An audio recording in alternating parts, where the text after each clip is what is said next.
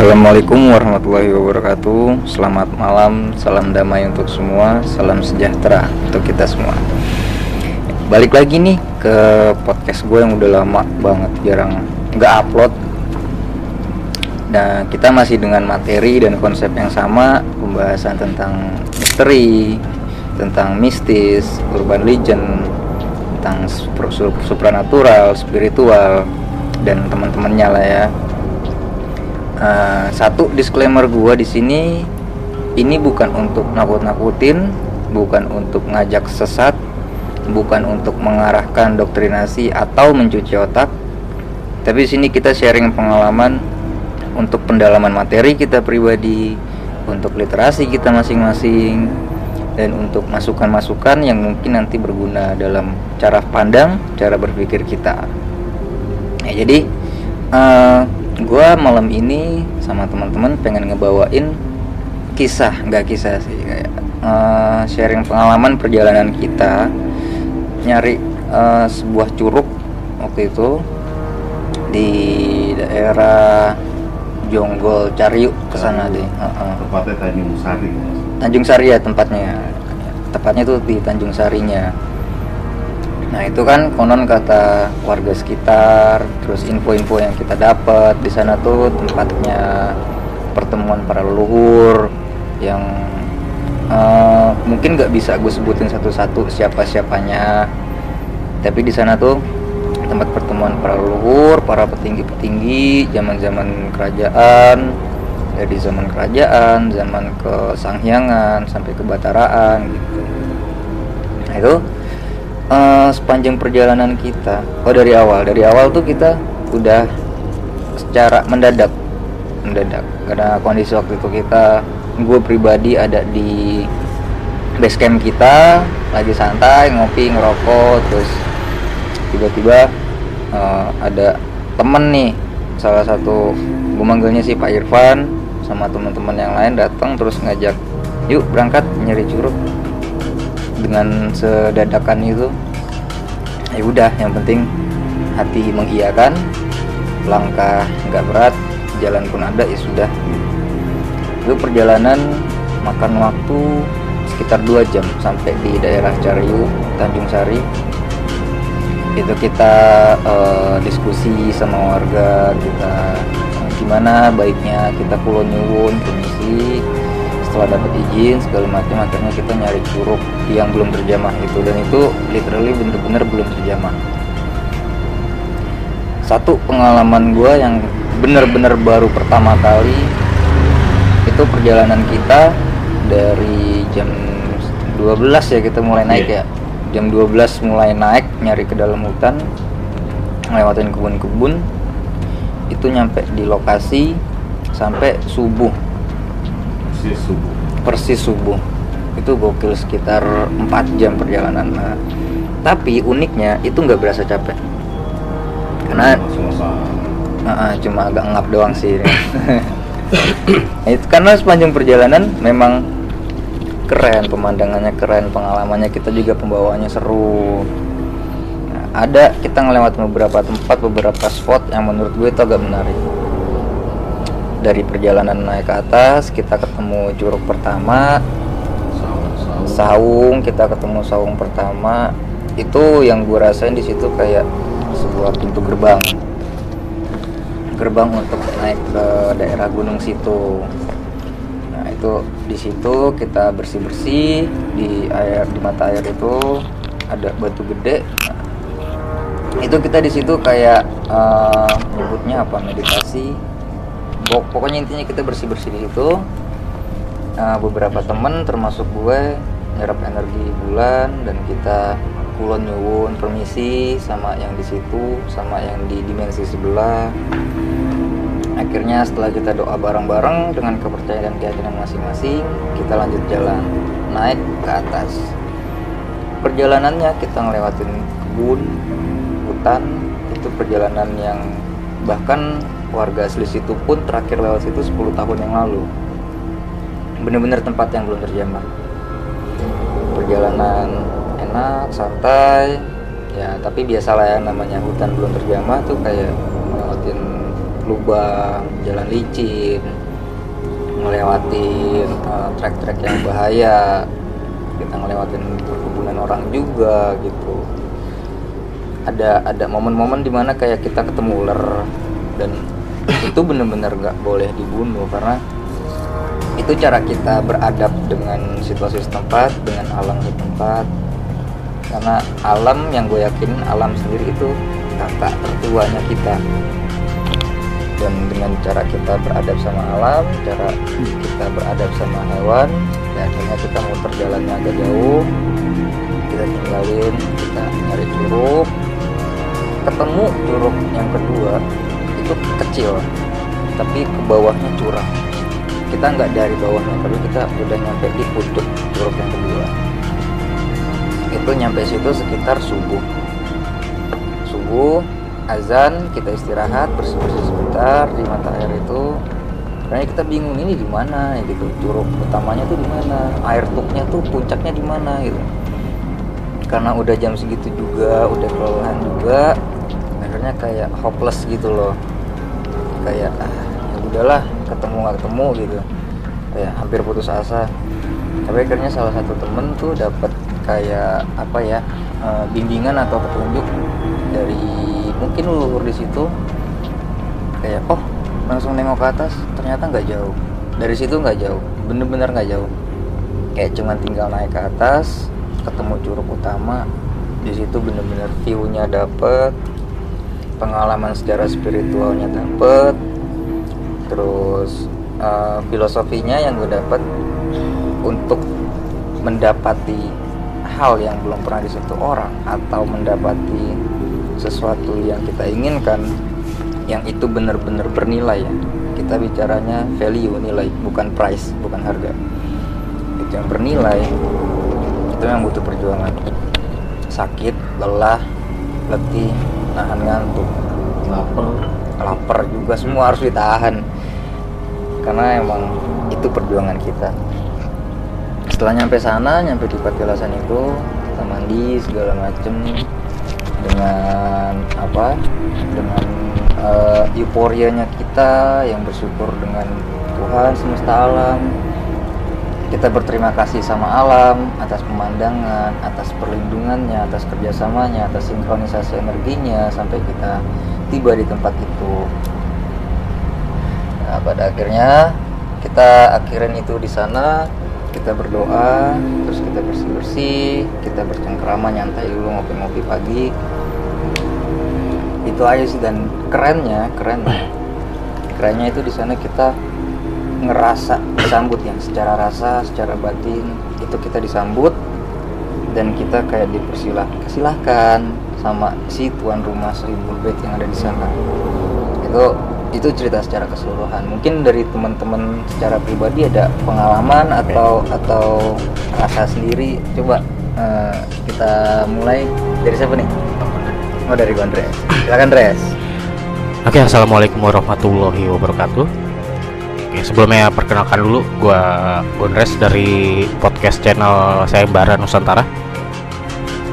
Oke, awalnya itu pas malam minggu kalau nggak salah. malam minggu itu kita jalan, kebetulan kebetulan gua sama Mas Arya itu ada salah satu partner lagi. Itu gua naik mo- naik motor lagi itu. Yang lainnya pada naik mobil, gue naik motor. Karena gue mabuk parah lagi itu. Iya. Gue appreciate pengakuan lo nah. Keren keren, luar keren. biasa lo confessing lu keren. Terus terus terus. Nah yang lebih janggal lagi itu pas kita melewati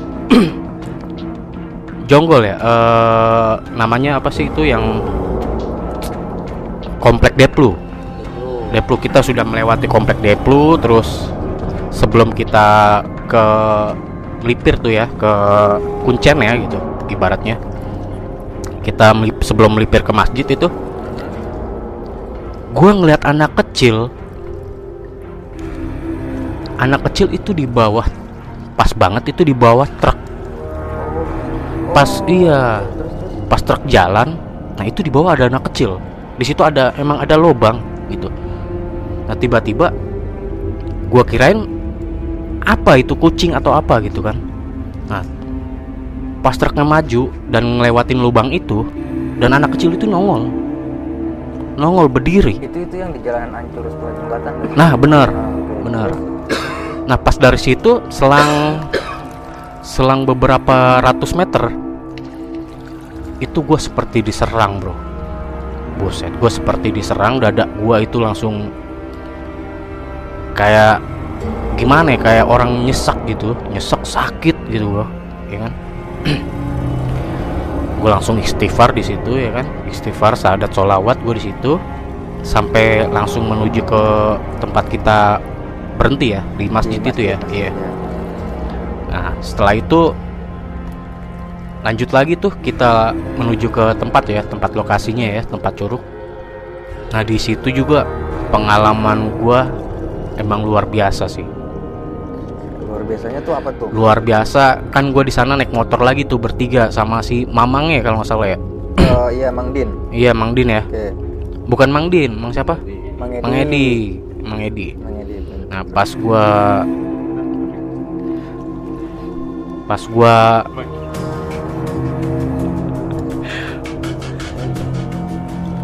siapa? Mang Edi siapa sih?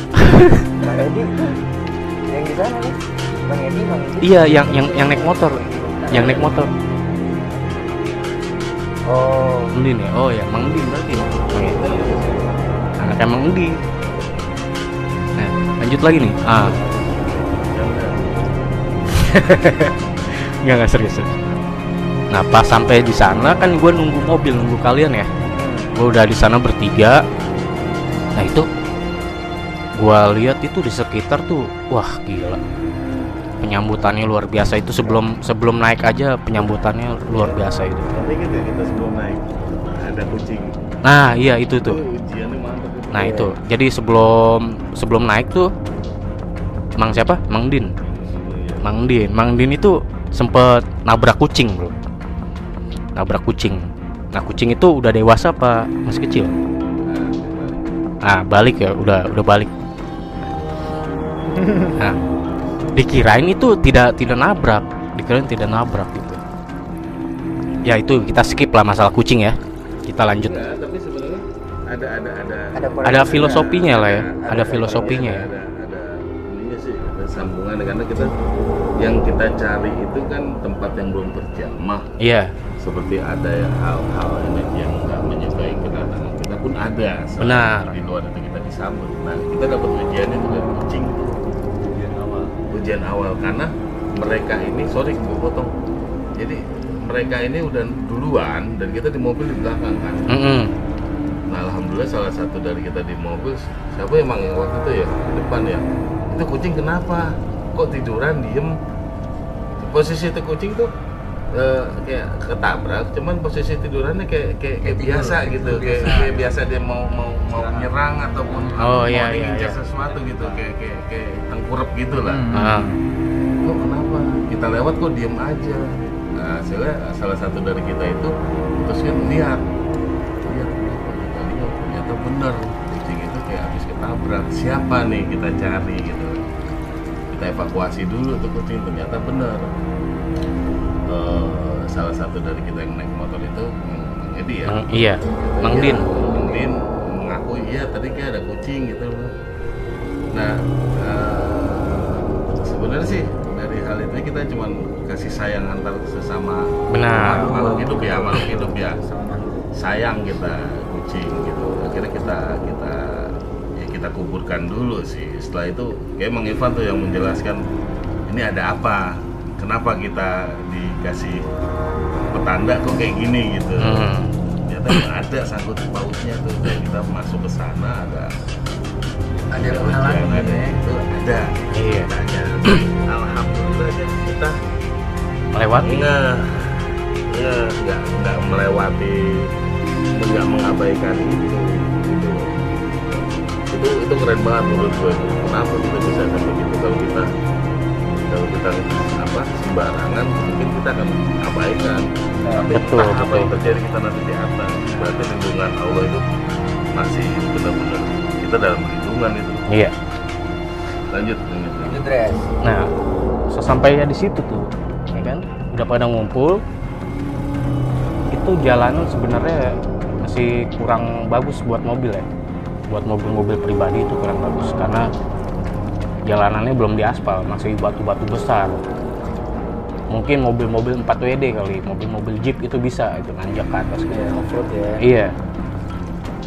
Lanjut lagi, sebenarnya kita itu ke lokasi itu bisa melalui jalur yang sudah ada. Jalur satunya itu lebih mudah sebenarnya. Tapi entah kenapa kita malah buka jalur di sana. Iya. Iya, kita kita buka jalur, buka jalur sendiri. Dan dibuka jalur sendiri itu, wah itu benar-benar rintangannya ajib banget ya. Naik turun udah gitu di bawah jurang ya kan? Dan gitu jalanan licin terjal gitu kan? Ekstrim ekstrim banget banget. Udah gitu kita perlengkapan seadanya ya. Seadanya. Seadanya. Mungkin tidak ada perlengkapan kali hanya perlengkapan kamera saja gitu ibaratnya. Setelah kita buka jalur. Nah sebelum sampai ke lokasinya selang beberapa puluh meter ini ada yang ngebisikin gua. Apa itu? Lapar gitu? Itu suara jantung. Suara jantung. Oh. jantung gue berdebar. Jantung gue berdebar setelah mendengar bisikan itu. Bisikan apa sih Des? gue penasaran tuh. Bisikannya kapan waktunya makan? Hmm, itu horor banget kalau telat. cerita tengah malam. mak lapar. Emang kita emang nggak makan dari malam? Emang- emang nggak makan, gas makan. banget ya. Kita terakhir makan sore ya. Sore. Makan lagi besok. bener. Pagi luar biasa. Horor banget. Nah setelah sudah melewati masa-masa itu ya kan? Yang jantung berdetak itu. Tibalah itu di aliran sungai aliran apa? Curug ya? Aliran curug. Ya. Tapi sebenarnya bukan di situ lokasinya. Bukan di situ. Nah itu gue sempet mandi di situ brother. Sempet mandi ya kan? Gua ngumbar aurat gua tete gua ke mana-mana gitu kan. Penyesalan gua sebenarnya itu sangat disayangkan. Kenapa mata lu ternodai tergila. Itu ternodai nah gue mandi di situ. Yang gua rasain wah seger banget itu. Padahal kita belum tidur sama sekali ya.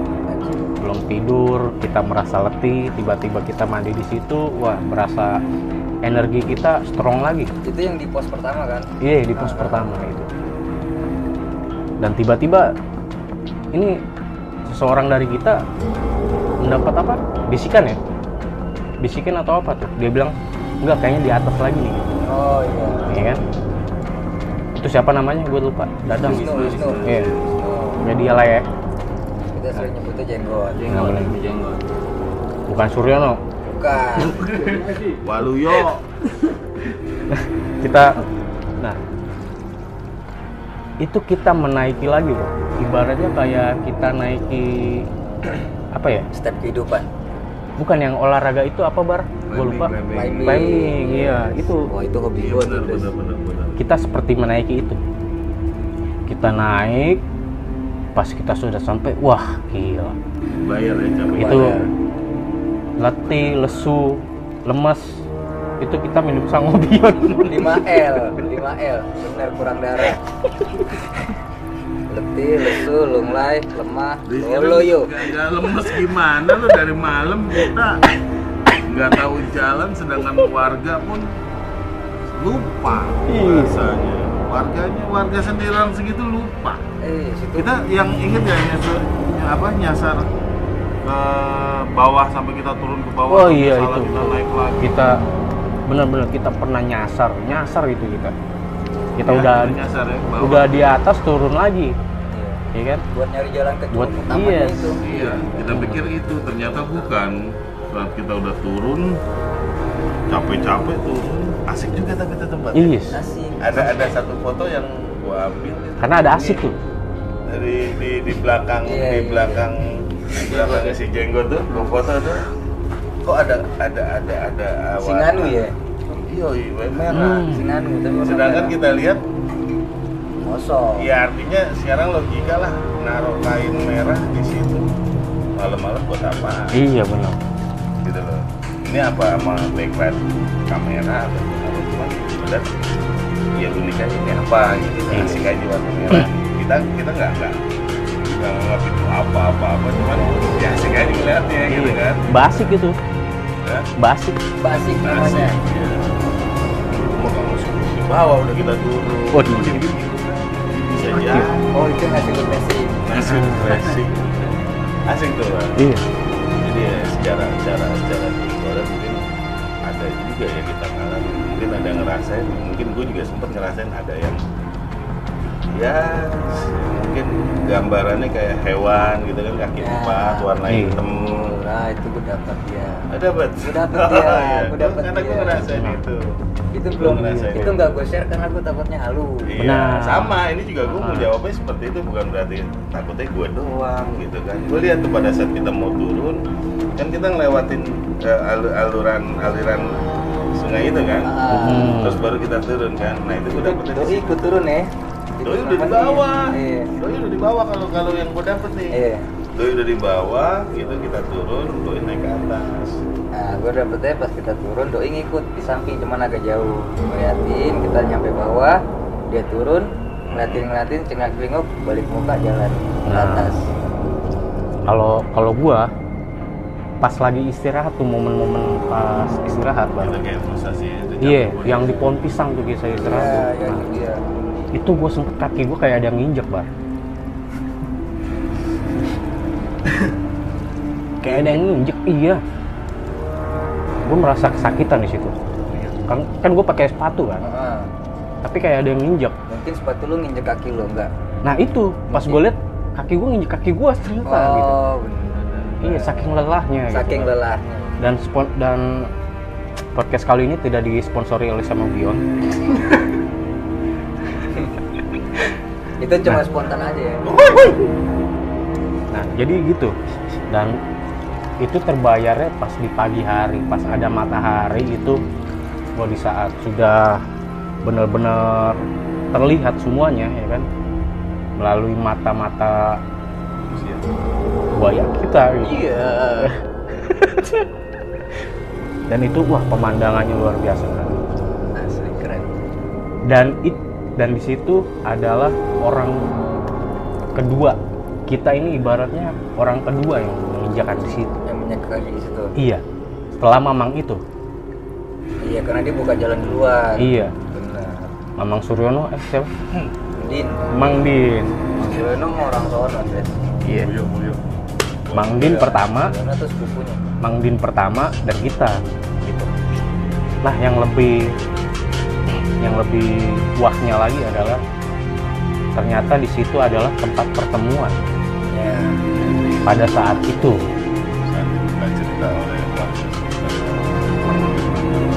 Nah, yang pas gue mandi, pas gue mandi sendiri kan, itu. iya, gue gue mandi sendiri karena gue tahu diri, ya kan, gue nggak mau terjolimi lagi aurat gue gitu. Nggak, sebenarnya yang merasa terzolimi itu kita kita gitu. gue selama ini gue selalu ngeliat kalau lu tanya tuh seksi. Kenapa lu apes ngeliat lu nggak sih Nah. tapi asli tuh. Jadi mandi tuh eh, banyak hal yang Oh, iya. nggak kita duga lah. Itu kejadian mandi itu masing-masing Iya. pengalamannya. Pengalamannya beda. Itu pas mandi di pancuran airnya yang di curug terakhir itu. Itu gua nggak dengar suara singa harimau harimau. Itu bukan singa ya. mau baik sama sebelum itu gua nggak dengar desisan ular tuh coy Oh, ular. entah kobra entah piton karena gua nggak nanya Ntar kalau ketemu kita tanya. Iya, Iya. tapi kalau terkait terkait terkait auman auman binatang buas saya kira sebutlah macan atau harimau atau apalah ya. Siapa yang melihat sama-sama di pas di ya? Ada kayak seguntor Kotoran isunya. oh iya ini. Iya. ini. Iya. iya dan kayaknya itu hampir kita semua ngeliat Iya. dan yang kurang kerjaannya gue sama jenggot doang tuh sampai gue colok-colok itu Iya, apaan gitu? Iya memastikan gitu. Nora gitu cuman gak gue cicipin. Nah. Enggak ini serius serius. Ini kita artinya ini apa gitu loh. Ini kotor eh, kotoran kotoran ataupun apa dengan tekstur hitam itu kita sempat merinding juga begitu tahu berdua Iya. apa iya bener nih kotoran dia gitu Oh iya. Nah, apa iya gitu loh di sini masih ada gitu kan Masih bertanya-tanya. masih bertanya-tanya Nah, gitu andai kata iya sebenarnya kita juga ciper juga bro Yoi. ya iya coy. lah. Walaupun kita Gimana? 10 orang, walaupun kita kalah sama 10 dia. orang Dan kotorannya kayaknya baru ya, baru. Lembek mang sampai saya asli mang kayak ibarat kata kayak kurang kerjaan gitu sama jenggot tuh dua-duanya colok pakai kayu. Tapi masih hangat gak? enggak enggak sini enggak apaan gitu? Ini apaan? Iya gue lihat dari tadi kata dia. Iya. Coba ini apaan? Iya kita colok kita. Iya nih ini fix kotoran. Kotoran gitu kotoran kotoran hewan. Hmm. dan dalam posisi kita penasaran kita lihat dia dibentuk dan eh, ukuran ya ukuran ya. Ukuran kotoran hewan apa mungkin ada kambing nggak kayak gitu Nggak kayak gitu. tahu. Kan. tapi ngapain andai kata ada kambing di situ di situ ngapain? Malam-malam Iya, pagi benar. masih ada. Itu satu tanda tanya besar.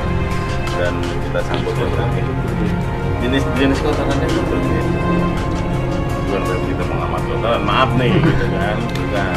Cuman ya sedikit tahu sedikit lah kita hewan ya konsumsinya daging Daging. Hmm. gitu loh itu akhirnya sempat kita keep dulu berdua tuh gua sama jenggot gua keep dulu jangan ntar nanti kita kasih tahu jiper teman-teman yang Iya, lain benar-benar. gitu kan udah gitu udah kita keep yang emang paling asiknya pada saat kita pulang ya ternyata ya Yes, benar itu. kita bener-bener dikasih jalan baik pas Asli. Cuma setengah jam. setengah jam kita turun Turun setengah jam ya. Sedangkan naik kita hampir 6 jam. 12 Hampir 6 eh, 6 jam. Hampir 6 jam kita naik. jam 12 kita naik Hmm. nyampe sana Setengah 6 lah. ya setengah enam kan Iya. kita ke Curug berdua ya Benar, setengah 6 berdua tuh setengah enam masih gelap tuh bisa sana terbit matahari ya. matahari Asik. pas jam 6 Nah, iya itu. Ah. jam kita naik itu Nah, itu se- sebelum ngedengar auman singa, au- aru- auman apa? harimau gitu kan. Gua ngedengar desisan ular. Desisan ularnya wah itu seperti ada di kanan gua, persis banget. Deket Itu banget. gua nggak dapet tuh Itu seperti deket banget, coy. Kayak gitu. Nggak ini gua minum. Oh itu kopi. Nah, itu kalau desisan ular gue masih ini, masih nggak gua hiraukan lah ya. Nah, iya masih bodoh amat ibaratnya. Gue kesurupan lu kayaknya nih. Nah, Ya terus terus. Nah, pas aumannya ini coy, pas aumannya tadinya gua mau mandi tiga hari di situ, gitu kan? Gue jiper juga gitu, ngeri ditomplok dari atas pala gua, pala bawah. Kan nih lu bayangin kan? Set, ditekrep dari belakang mending kalau digigit leher enak kelar kita ya kan? Mut. coba lu. Cinta baru lagi. Cinta baru macan tekrep mut gitu. Bisa tetelan bisa jadi. Bisa jadi tuh macan ompong. Oh iya. Nah, itu. Setelah setelah denger auman itu langsung gua udah buru-buru tuh, buru-buru aja lah udah. Gua akhirin aja udah. Udahlah, hari ini kita udah akhirin aja lah men ya kan. Gua keluar dari grup lah. Keluar tuh langsung. itu malu sakit hati guys gue tahu itu ya itu ceritanya curhat sakit hati apa gimana itu keluar. Nggak ada sih ya, jokes kita kali ini pada saat itu kita benar-benar kita yang terjadi di sana ya kita kayak gini Kita kayak Iya. gitu. Asli sambil ketawa-tawa. Ini sambil kita tegang kita ketidak ketidaktahuan kita tentang lokasi ya mas kita belum pernah bahkan yang keluarga itu yang nganter kita itu Mang Edi itu terakhir lima apa sepuluh tahun? 10 10 tahun. Terakhir lewat itu 10 tahun lalu gila. Nggak lo kita begitu mau naik kita belum tahu kondisi. Dia bilang saya terakhir lewat sini 10 tahun. itu itu lewat jalanannya ya belum ke curugnya ya Iya. di curugnya mereka jalan udah Awal berjalan mending awal. Awal lah begitu kita di pos, eh, Pos satu. kita naruh iya atau satu kita naruh mobil di situ. Wah, eh tujuan kita ke saung saung itu dulu ya. Saung Abah. Nah, ya, Abah, ya ada saung abah di situ katanya. Abah tuh katanya punya punya ngurus tanah di situ tempat istirahatnya abah. Emang asik juga tuh aja tuh. Asik juga. nah ini yang pas di saung abah nih iya nih hampir kelupaan nih di situ ada batu besar ya kan Iya. nah Itu. itu wah itu Itu. kalau lu tembusin ke bawah itu wah itu isinya isinya banget banget itu cuman kita nggak bisa nyebut ya takut tahu sendiri lah orang pemburu pemburu itulah ya kan? Ngerinya gitu kalau kita sebut. Nanti dia pada ke sana dan mengacak-ngacak yang sudah ada di sana. Itu yang tadi gue bilang tuh yang kita semua bersih bersih terus nyerap energi bulan sudah pada meditasi dengan formasi masing-masing. Ternyata batu yang segede rumah itu kopong. Iya itu dia. Kopong. Gede rumah. Kita tuh keliling enam memang. Enam Bawah enam keliling, satu di atas tuh. satu di atas Jadi enamnya itu di jalan kita jarak keliling. Jaraknya dari gua ke lu berapa? Bagaimana ada dua ya dua meter. Dua meter, dua meter. Dua meter. Per orang itu dua meter kita keliling kita coba tanggap gitu. Kita coba rangkum luar biasa. dan ternyata di batu besar itu banyak kode-kodenya dan Syarat dulu ya. hmm dan hanya ada orang-orang tertentu aja yang bisa ngebaca itu sebenarnya. Ya, ya, yang kayak angka delapan. Nah, itu. B. kayak infinity tanpa batas. Nah apa itu yang tanpa batas gitu ya kan? Nah, pakai M3 unlimited. Unlimited. Malam doang sampai jam tuh ya tapi itu keren sih. Kita nyebut merek sih. Iya dibayar kan kalau dibayar nggak apa-apa. Podcast kita bebas kok kali aja ntar. Itu pengalaman beneran ya. pengalaman lu tuh Des, ya itu pengalaman. Biasa tuh dan ya yang gua ini yang pas dapat bisikan itu takjub banget. Taktik banget. Ini yang bisikan bener apa bisikan lapar? Yang lapar itu bisikan lapar ya sama. Akhirnya bus dari situ kita sakit perut. Iya merebus pakai air. Jelas ya mungkin ada yang bisa ditambahkan lagi yang lain. Tapi mau sharing dikit nih ya sambil nunggu teman-teman ready buat sharing. Itu yang gue dapat nih secara pribadi nih. Kan tadi masih garis besar. Nah gue dapat secara pribadi tuh dari awal Hah? iya nggak boleh puasa. Gak boleh puasa kalau dapat iya perih sih perut. Karena belum makan. Belum makan belum belum itu dari awal kita mulai di pos naruh tempat naruh mobil. Itu yang, gue rasain gue gue ngerti ya mungkin eh, apa halu atau apa. Tapi gue ngerasa ada yang nemenin dua. Dua. Yang satu gue nggak ngerti bentuknya apa. Yang satu lagi tuh adanya di atas kepala gue sebelah kanan. Itu doi bentuknya kadang berubah kadang bentuknya kayak aki-aki kayak apa sih nyebutnya? Kayak jagoan gitulah aki-aki jagoan. Jawara lah ya. jawara jawara. Pakai ikat kepala panjang dada. Masuk enggak dia udah minum obat anti angin Lah emang apa kayak nge-sponsorin baju? Enggak dia nggak ada endorse. Enggak di endorse. sama kayak kita nih ngomong ngecapruk nggak ada endorse. Nggak di endorse. iya. Udah kerjaan aja kita ini. Padahal di rumah susu pada nagih udah nih. Ada susu popok ada sedih banget ini kita podcast Iya, iya. jadi yang ingin ketawa-tawa ya.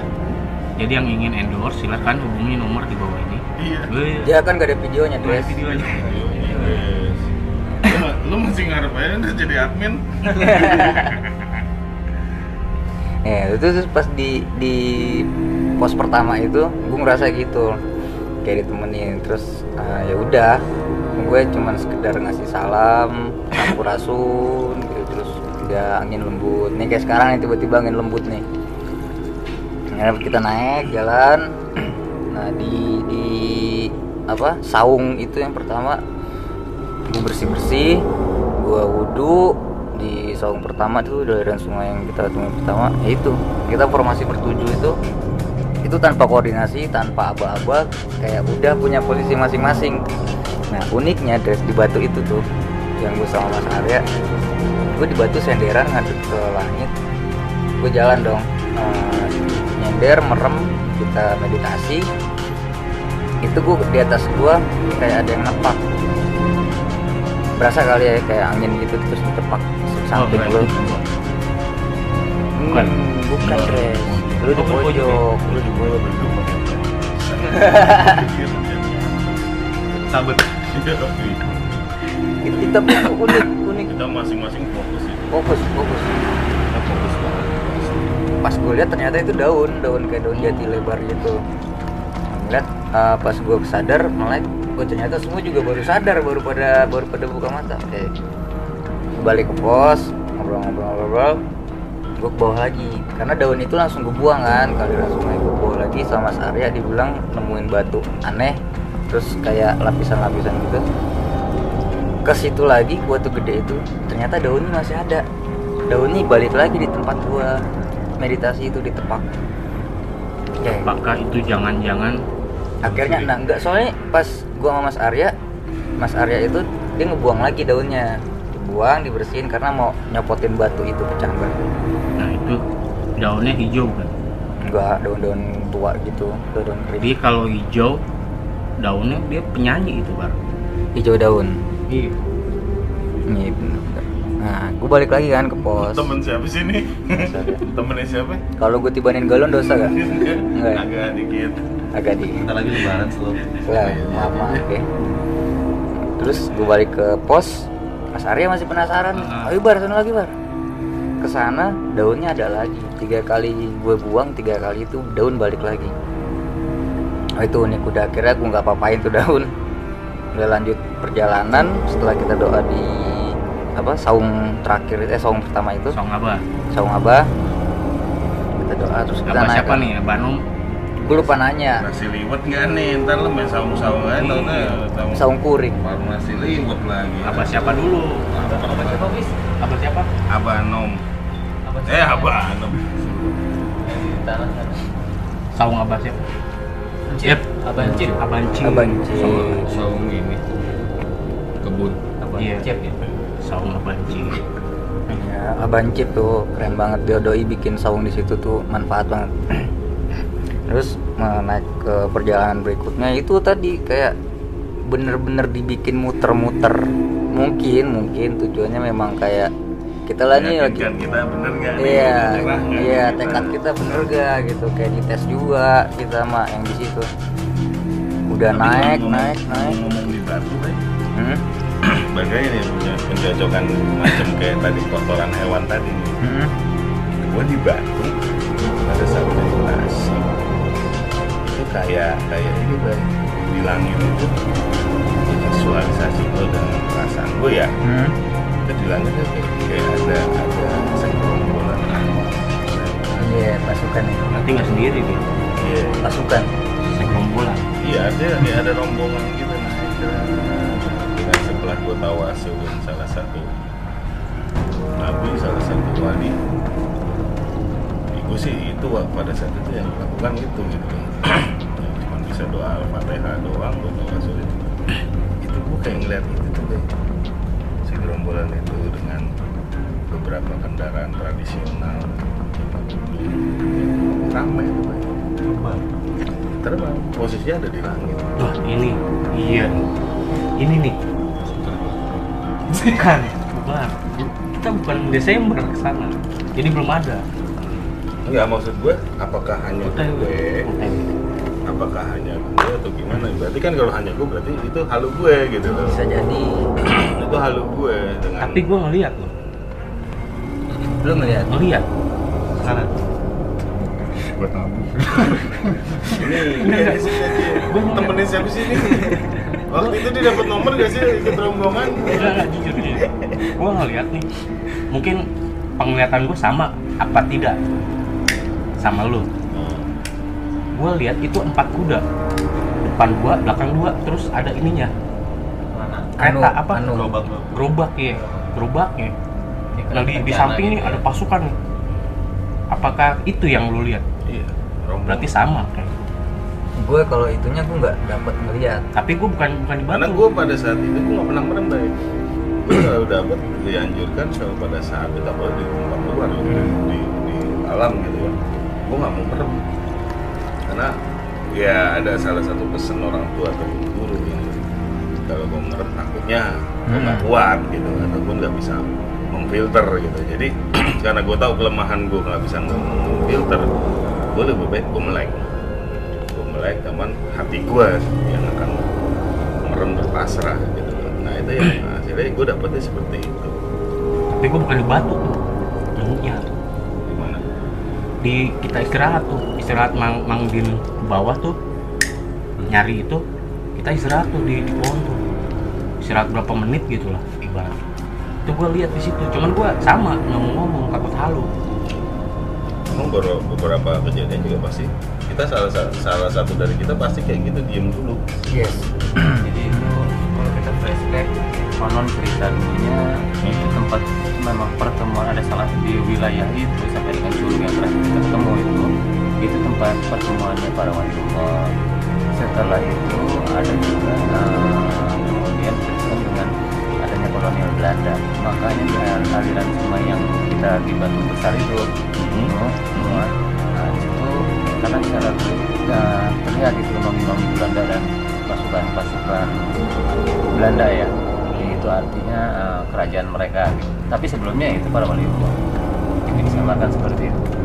Jadi ber- bisa Benar, berbau nah, gitu Pak. oh berarti ada company juga di situ? Ada.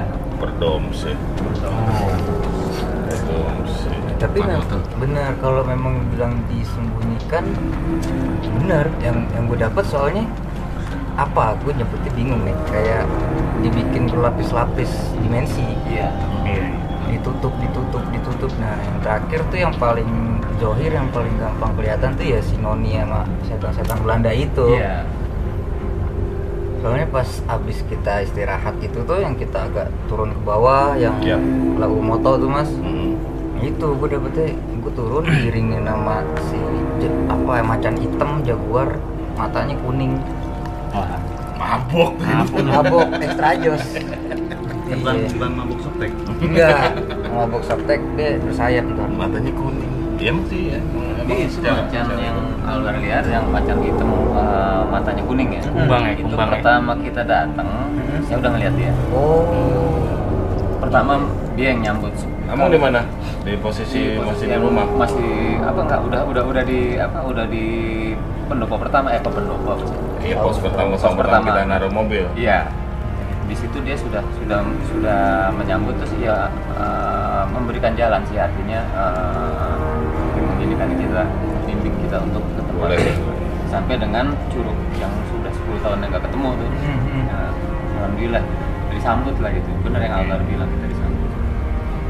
iya soalnya yang saya rasain tuh sih nggak ngerasa takut nggak ada pertanyaan ini asli atau enggak tapi sih ngerasanya ngelihat itu macan hitam itu kayak oh ya udah gue ditemenin didampingin Iya.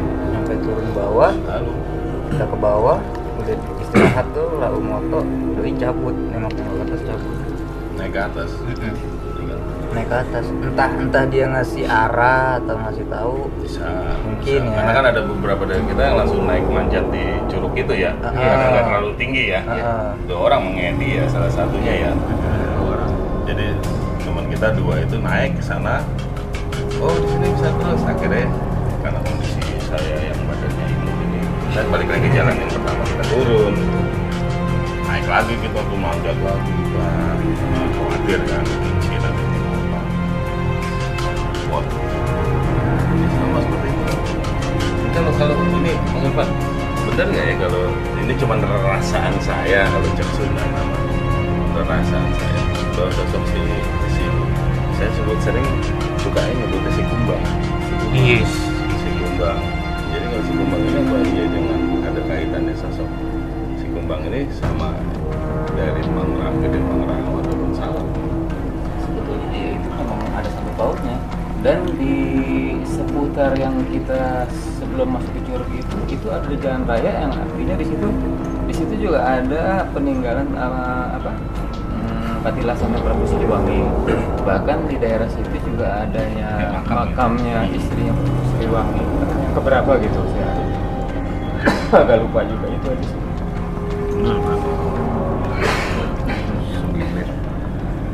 Oh iya yang waktu itu lu share ya? nah iya. Ya waktu di share, terus wah nyampe sini. Saya agak-agak agak teliti lah lihat ngapain nih kok ada aja nggak sa- nggak sadar. Dijabarkan oleh oleh Wisnu Banda kan oh jarah nih ke, ke makam ini ada makam Prabu Siliwangi katanya gitu ya. Padahal saya nggak tahu tuh ya. Sama nggak tahu. Iya. Buka tuh ya. terus terus terus itu juga yang dekat itu mungkin terakhir yang uh, Raden Arya Wiratanudatar tuh yang keturunan dari Prabu Siliwangi itu Cikundul yang Cikundul itu Oh. yang dalam Cikundul. Cikundul. jadi beliau pun salah satu yang ada tapak jelas di situ juga Mbak ya wallah alam bisawab semuanya Nah, itu pengalaman saya pribadi tuh Pak pas udah di curug terakhir tuh Pak yang pencapaian tujuan utamanya. Kan nah, kita semua mandi kan satu-satu Iya. di air tuk itu tuh. Itu pas saya mandi saya dapat rasanya tuh unik. Uniknya tuh saya eh, merem. Saya rasanya tuh kayak ketemu apa nenek eyang eyang masih masih leluhur gitu. Saya berasa kepala saya diusap-usap. Ke mana aja aku baru nyampe. Mesra gitu mesra Iya, iya. gitu. Itu saya nangis nangis. Karena di air terjun itu jadi nggak ketahuan nangisnya gimana. Intinya saya nangis haru kayak diusap-usap. Aku baru nyampe mana aja gitu ini oh dari situ saya melek em, apa berusaha buat ngeh lagi berusaha buat sadar lagi. Saya duduk meditasi air. Nah itu yang saya dapat itu dipakai beberapa zaman.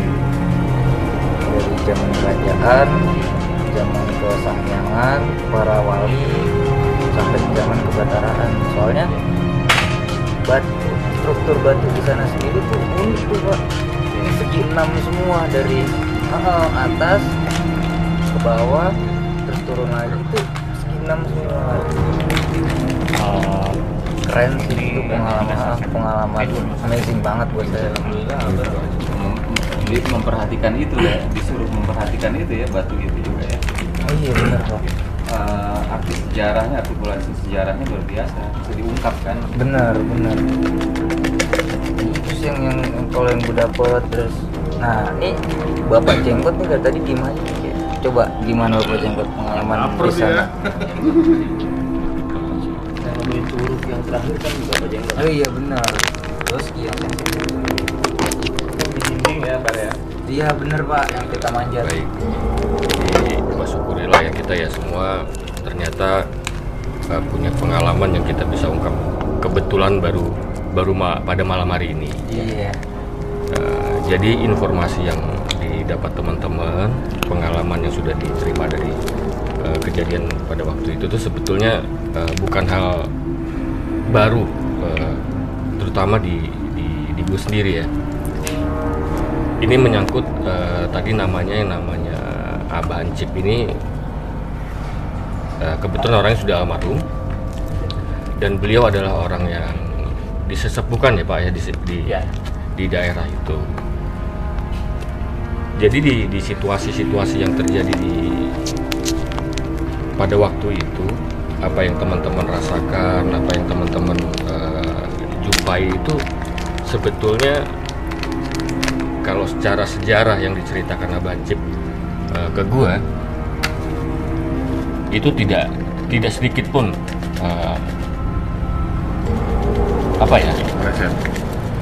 meleset dari dari pengalaman teman-teman lah. Terutama masing-masing. Dari kalian tuh hampir semuanya tuh bisa gue iakan.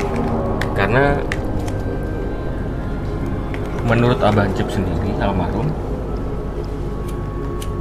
memang tempat itu ada eh, bukan tempat biasa ya.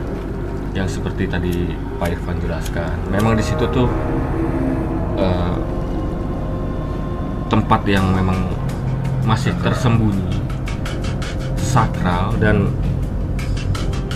belum banyak eh, mungkin jangankan kita yang bukan penduduk situ asli ya. Penduduk situ asli pun kalau tadi bilangnya kan Edi Kang Ndin itu menuju ke lokasi eh, puncak yang air terjun pertama itu yang terakhir yang tertinggi itu kan cuma estimasinya aja 10 tahun mereka situ itu bisa lebih. Mereka tuh tidak menjangan eh, ke puncak air terjun yang paling atas itu yang tertinggi. Jadi gue mau cerita ini ya apa cerita dari awal kunjungan kita ke sana tuh memang sudah sudah dikasih firasat atau memang sudah dikasih aba-aba kalau akan terjadi mungkin di diri gue pribadi. Hal-hal yang memang mustahil.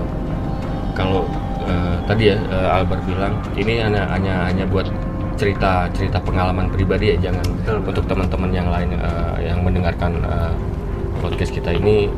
Anggap aja ini hanya hiburan pengalaman pribadi dari kita kita semua yang pernah be- eh, berjalan atau datang ke wilayah satu tempat bersejarah sebetulnya. Eh, gua potong sedikit agak ke ke depan lagi. Tadi dari cerita kita kucing tertabrak, ya kan? Ya. itu itu sebetulnya sudah sudah ada satu tanda-tanda kata Panda tadi betul. Tapi karena memang kalau mungkin kita satu sama lain tidak ada ikatan batin yang kuat secara di luar nalar ya. Itu mungkin lewat aja toh. Itu yang kita tahu itu kayak kayak bukan kucing habis ketabrak. Luka pun tidak. Sekarang eh, umumnya deh gue beberapa kali nabrak kucing atau apa kalau yang tidak fatal biasanya kalaupun fatal biasanya tuh eh, si kucing ini apa si hewan ini mati di tempat itu dengan dengan Udah kondisi yang kacau yang ya. yang ya begitulah. Tapi yang terjadi kemarin tuh tidak seperti itu kan. Itu kucing seperti sehat-sehat aja. Sehat-sehat dan tidak seperti terjadi apa-apa gitu. Dan kalaupun terjadi apa-apa biasanya kucing itu tidak bisa meninggalkan eh, apa mayat dia atau bangkai dia di situ. Ya kan? Dengan kondisi yang masih utuh seperti itu kan. Tidak ada luka sedikit pun ya alhamdulillah dari eh, perhatian khusus kita terhadap hewan kecintaan kita terhadap hewan atau apa akhirnya kita memberanikan diri memutuskan untuk kita kembali lagi melihat kondisi si kucing ternyata memang sudah tidak bernyawa. Itu saja sudah diperlihatkan eh, dengan eh, sambutan yang sangat luar biasa pada di pos awal di tempat kita taruh kendaraan roda 4 itu itu gue pribadi hmm, ya mendapat mendapat apa ya ya melihat lah sosok yang kalian jumpai juga entah mungkin fisiknya aja ada yang lihat itu fisiknya hitam ada yang eh, mungkin belang atau kumbang ya itu setelah gue nguburin kucing tuh sama, sama siapa ya sama panda ya. Malah ya? Gua dong Ya, mereka. Mereka, mereka yang Eh, ya, so maaf, sorry. Eh, gua ber, bertiga ya sama Mang Di sama Mang ini ya. Nah, di situ tuh sudah eh, disambut dengan seolah-olah mereka tuh eh, akan akan membimbing kita sampai ke tujuan ikhtiar kita mau ke ke suatu tempat yang akan kita tuju. Ya insya Allah dalam perjalanan yang memang penuh dengan situasi-situasi yang apa ya luar biasa ya dengan medan yang boleh dibilang kita tuh seperti babat alas lah kalau bahasa Asli, bener. dulunya ya. Tidak ada rute jalan.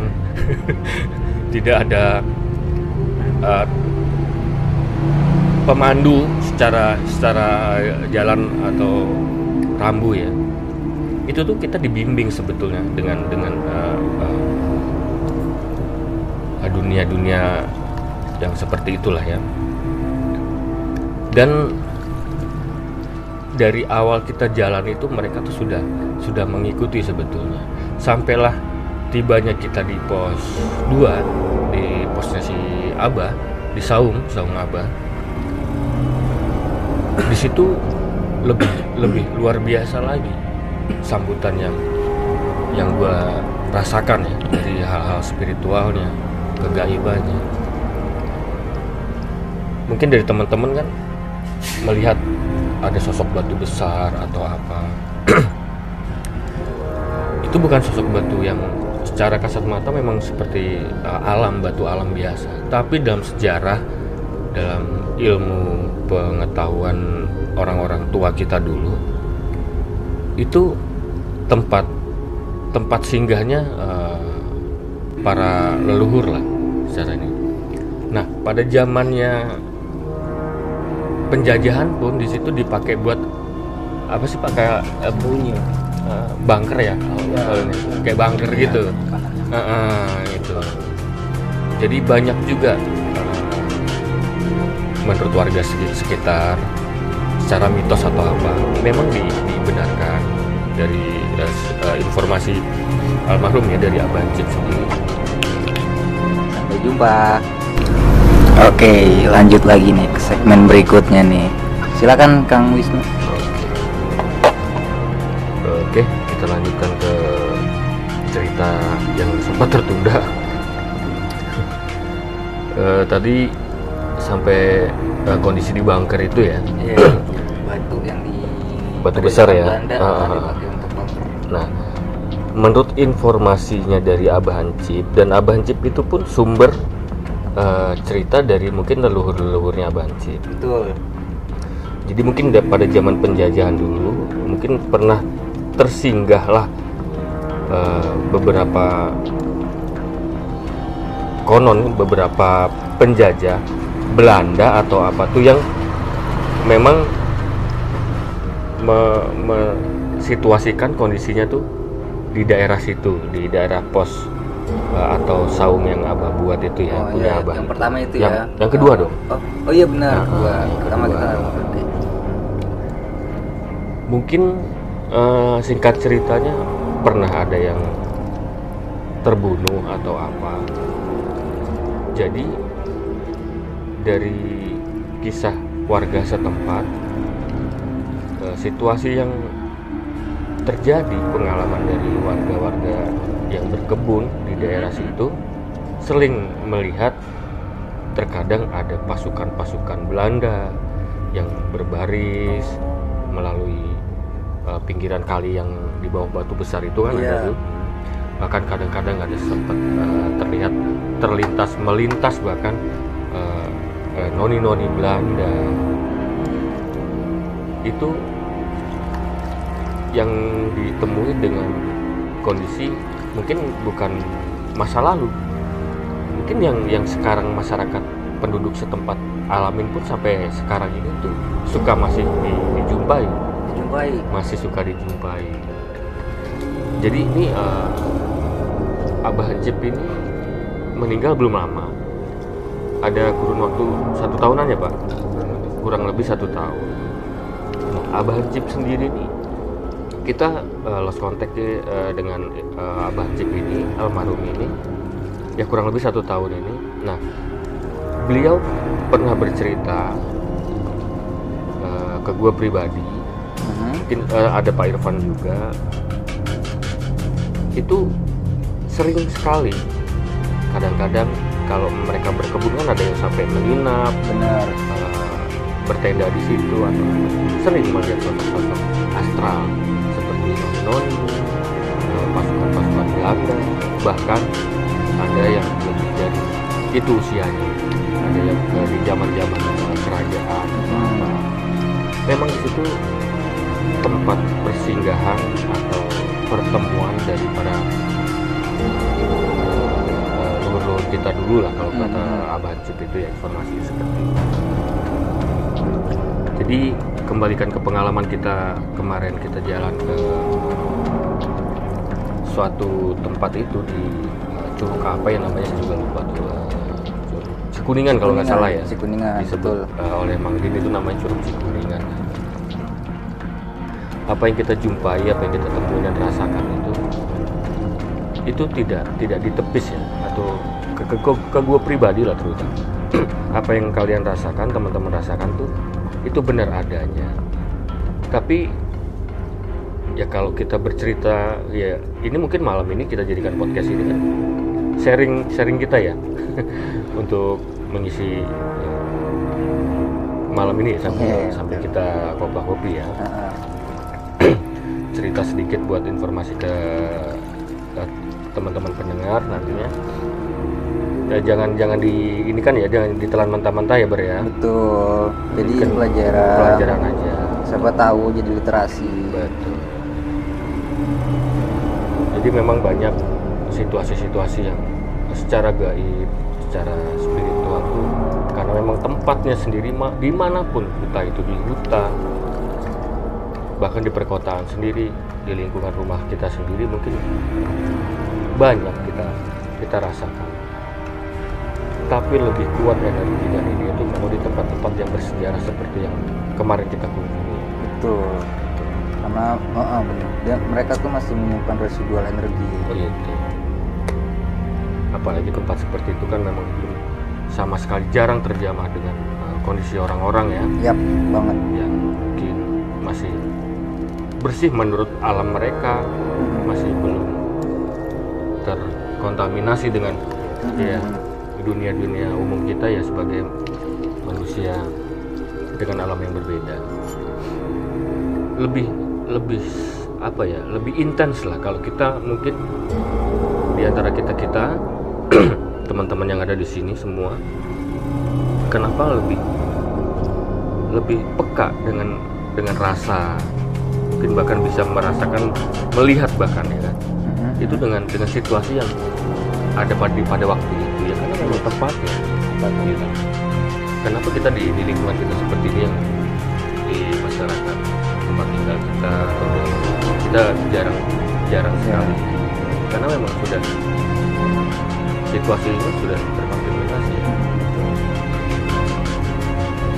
jadi apa yang kalian rasakan itu ya alhamdulillah sangat luar biasa buat pengalaman kita masing-masing ya terutama Iya. ya untuk kita bisa ber lebih lebih apa ya lebih kuat.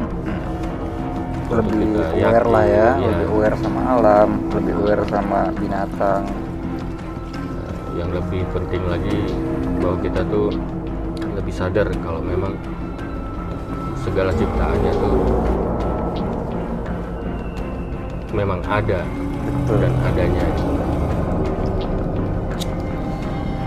Eh, apa lagi? ya? terus pas di pas tempat kita istirahat pertama tuh yang yang nah, yang gue ngeliat eh, macan hitam itu ikut turun Mm-mm. nah itu lu ngerasain apa tuh bang Iya, itu yang tadi gue sampaikan.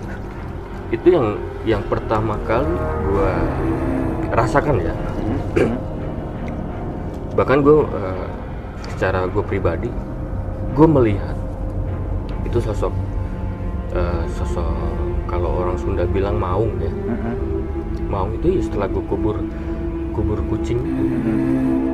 Itu si sosok itu tiba-tiba muncul ada di justru di, di belakangnya Mang Mang siapa? Ya? Mang Edi apa Mang Edi pada waktu itu ya. Itu tiba-tiba awalnya tuh cuman ada hembusan angin. Hmm. angin agak-agak besar gitu. Dan kerasa mungkin di, di, di gue pribadi itu kerasa. Nah, tiba-tiba sosok itu dengan dengan pelan-pelan itu muncul muncul dan cuman ya diam aja sih diam aja Nah, terus setelah proses kita penguburan kan kita kembali ke pos pertama tuh Mhm. Nah, kita eh, secara ritual ya kita Iya. berdoa dengan kepercayaan kita masing-masing untuk iya. eh, proses perjalanan kita menuju apa yang kita mau tuju itu dah si maung itu atau si macan tadi itu tetap mengawasi kita dari jarak. Iya. yang tidak jauh kalau menurut gue Mhm.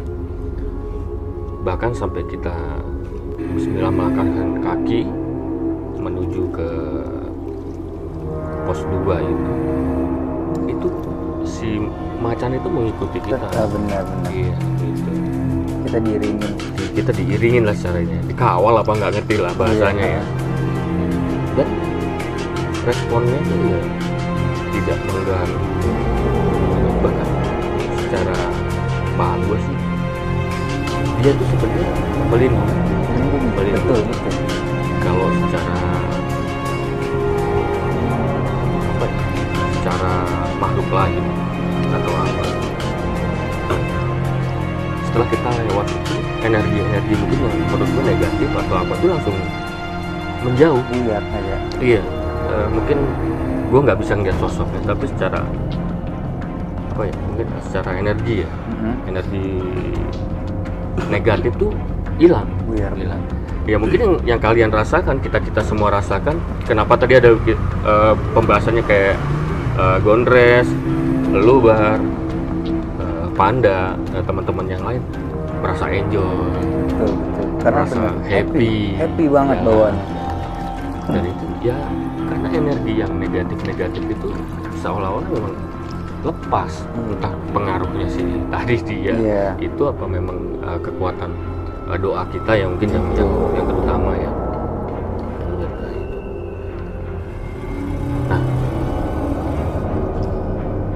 ada lagi sosok lain itu yang sebetulnya muncul di pos setelah kita di pos 2 Mhm. di pos 2 tadi siapa yang bilang oh lu ya Bang ya? Mhm. yang lu bilang tadi ada kakek-kakek atau apa Mhm. nah itu itu sempet gua mungkin gua rasakan dan eh, terlintas juga sekelibat mata gua itu gue jumpain dia di kebetulan mungkin ada yang nggak atau enggak eh, ada salah satu rekan kita ya mungkin gue sebutin namanya kali ya Mhm. ada eh, teman kita yang namanya Reza setelah kalian dari batu besar itu ya eh, mandi atau bersih bersih karena si Reza feeling dia kan di situ ada mata air atau apa yang itu nggak jauh dari pos eh, atau saungnya apa itu Iya. di belakang itu emang ada mata air Iya, liatin itu. nah dan yang lo lihat tadi bar yang sosok eh, Ah. Apa ya kakek kakek lah. Kalau gue bilang kakek kakek itu itu dia di situ bar di, di berdiri di dekat mata air itu. Berarti nggak jauh dari tempat pertama kita itu ya? Tapi kan lu tadi Ngeliatnya informasi pas parkiran. Per di parkiran Ah, ya. pas kita parkir tapi mobil itu. gue ngelihatnya itu eh, si sosok itu tadi itu di eh, persis di belakang saung abah. Sebenarnya gue agak agak sedikit ah, takut dan tidak juga sih.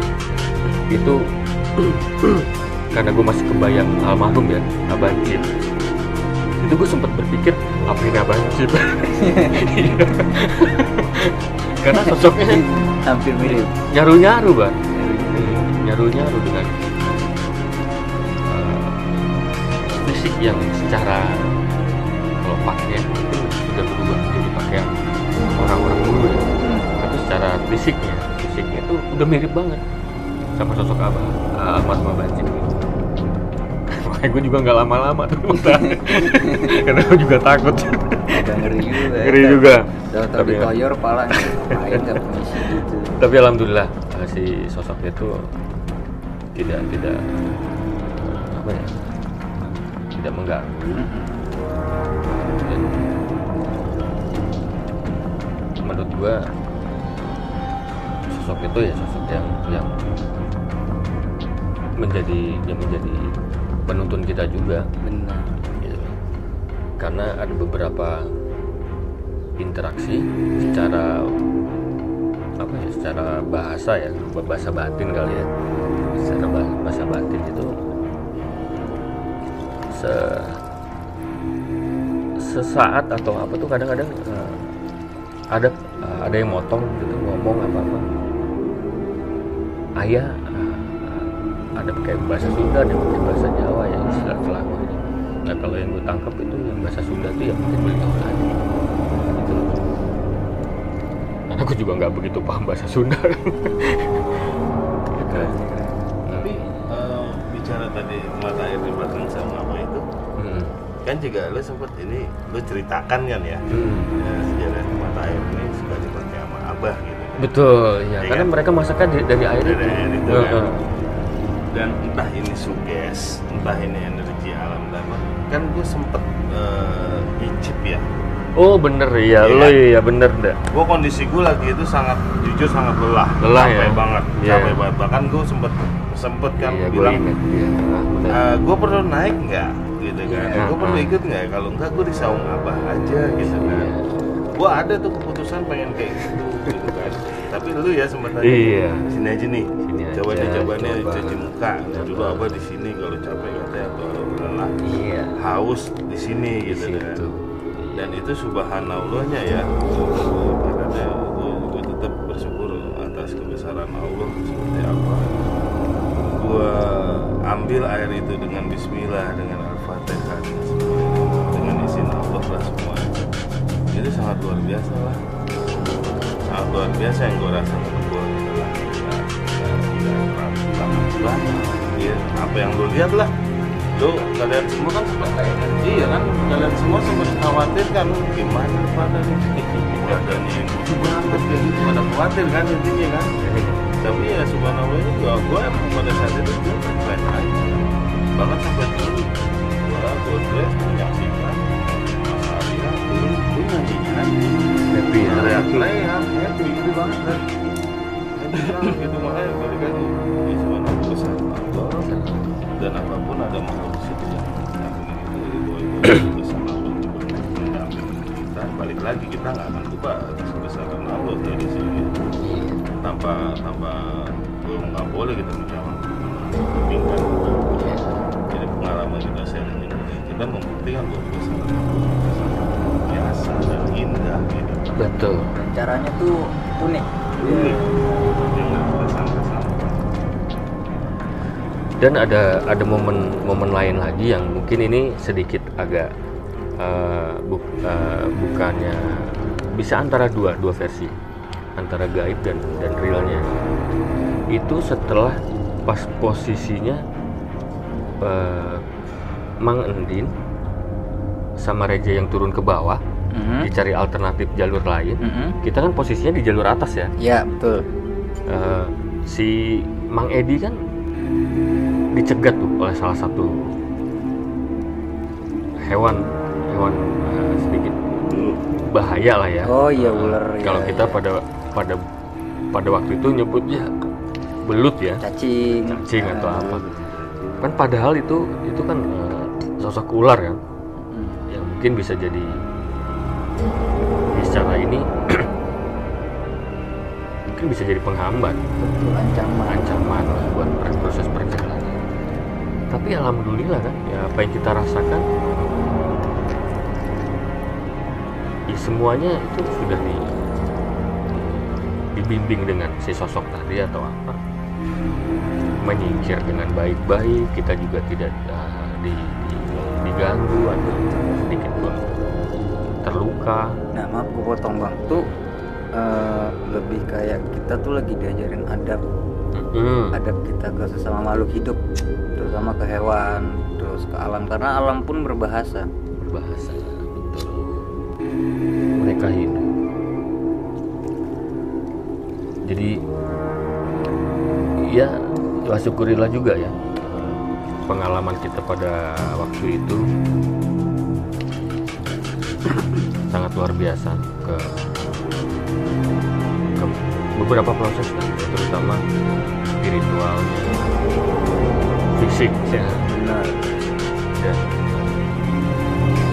nikmatnya yang sangat luar biasa tuh. Setelah apa yang kita tempuh kita rasakan tuh terbayar dengan situasi yang sangat sangat epic banget. Sebenarnya. susah buat diungkapkan. ya, seperti itulah. Bahkan sampai ada beberapa momen pun ya mungkin di antara kita merasakan merasakan dengan keputusasaan pasrah sudah sudah kayaknya sudah tidak kuat atau apa.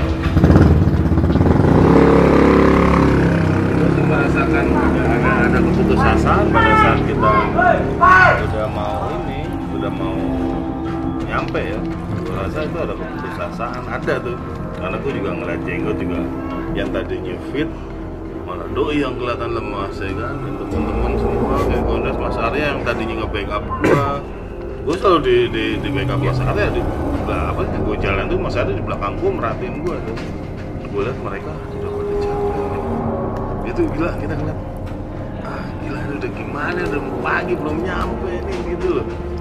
Rasanya gimana? Aduh udah putus asa banget jadi memang tidak memang untuk untuk mencapai itu semua tidak semudah apa yang kita bayangkan. Betul. ternyata sudah sedikit lagi aja.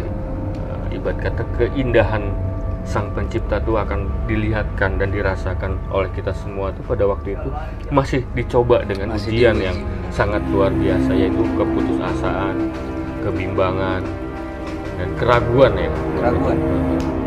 Tapi alhamdulillah dengan ya ikhtiar kita dan bimbingan ya mungkin beberapa leluhur lah kalau kalau gue bilang ya yang mungkin dari awal sudah mendampingi kita itu membukakan atau mensupport lah ya dengan dengan dengan cara mereka ke kita ya mungkin kita juga meminta lah secara secara keyakinan atau apa dibimbing secara jangan sampai kita di, diputus asakan jangan sampai kita di, di- apa ya dipatahkan semangat kita satu sama lain. Karena memang ini ini proses cobaan eh, secara individu menurut kita masing-masing. Terlihat mana yang lelah mana yang ini gimana untuk kita sebagai eh, satu sama lain kita bisa ngopi bareng ketawa bareng di situasi seperti ini tapi di sana kan beda. Bener. Tapi alhamdulillah ya. Alhamdulillah kita semua eh, masih satu apa satu satu sama lain itu. Satu rasa. Tidak tidak tidak tergoda dengan situasi-situasi yang memang mencoba dari kita masing-masing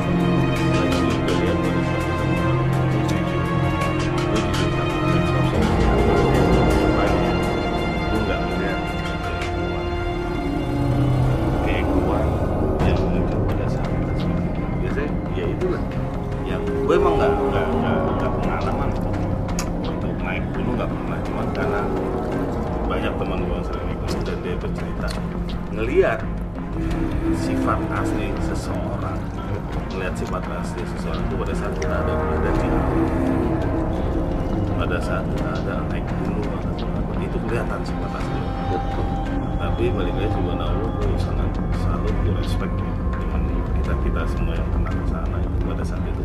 Gue lihat nggak ada tuh kayak gue ah gue udah ini gue capek gue nggak peduli sama dia semua peduli karena gue ngerasain banget kalian kalian tuh backup gue. Asli gue ngerasain banget ngerasain banget. Yoi, biar gondres mungkin tampangnya gitu kan kayak Iya, gitu kan.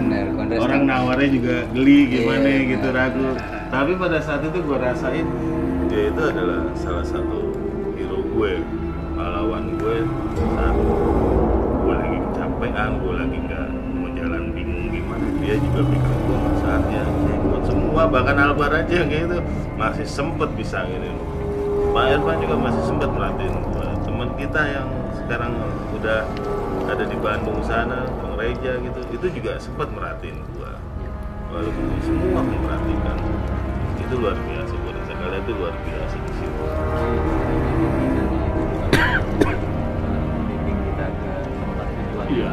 Iya.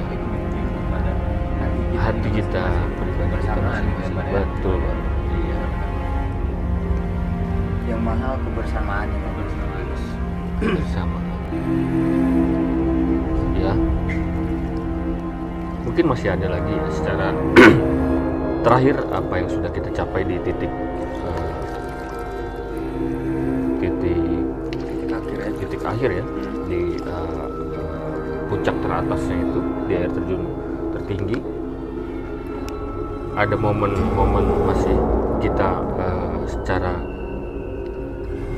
berserah diri berterima kasih berdoa secara keyakinan kita masing-masing.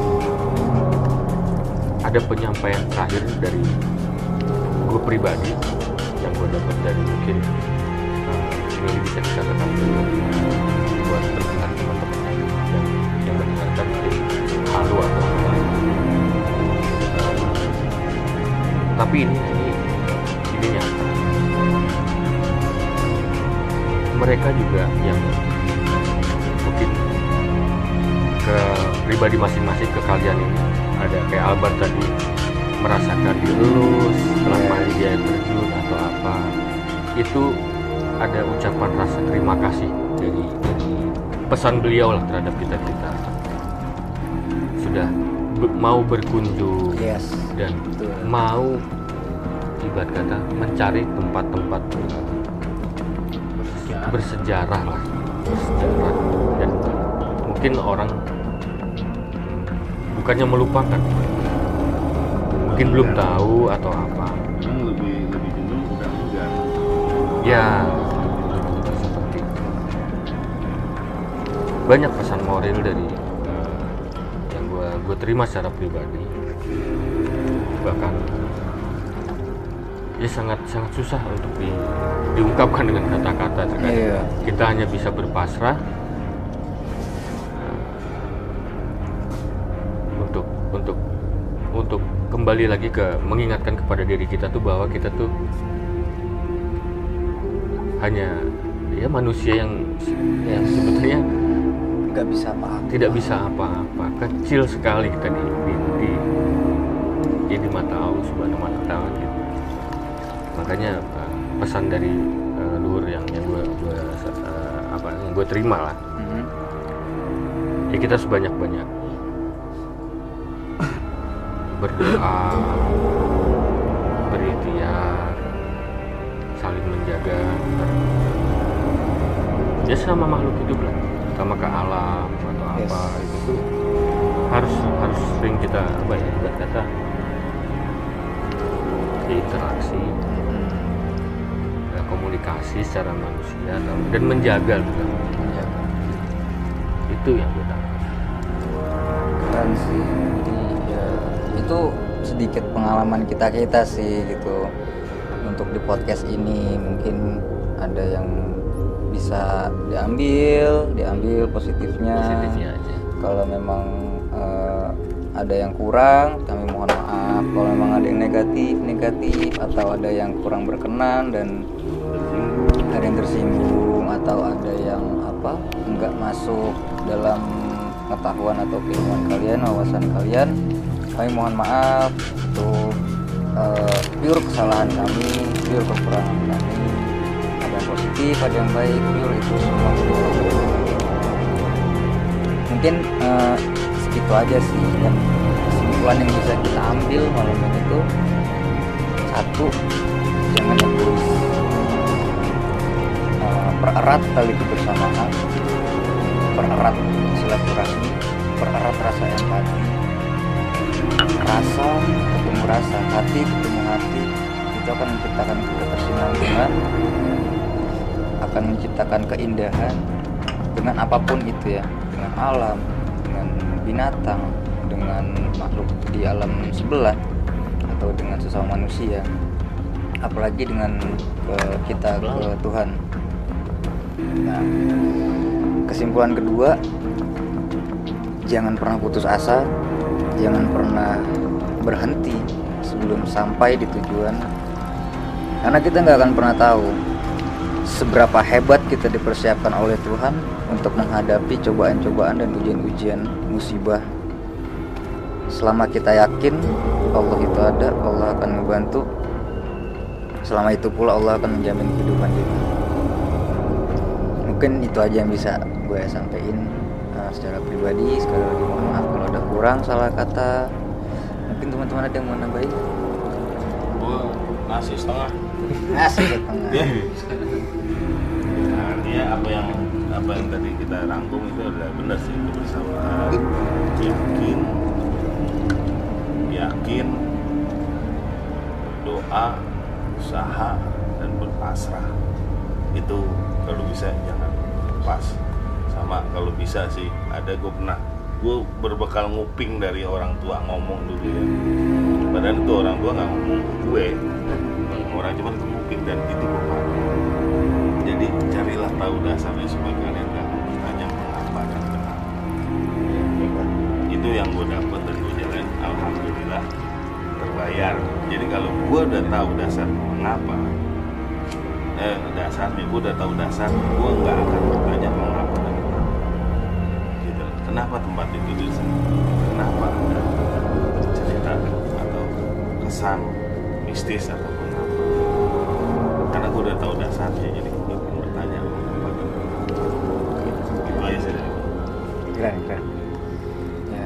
segitu dari kami eh, penyampaian kami. Dan sekali lagi jangan pernah diulang mentah-mentah anggap aja ini cuma sekedar dongeng pengantar tidur.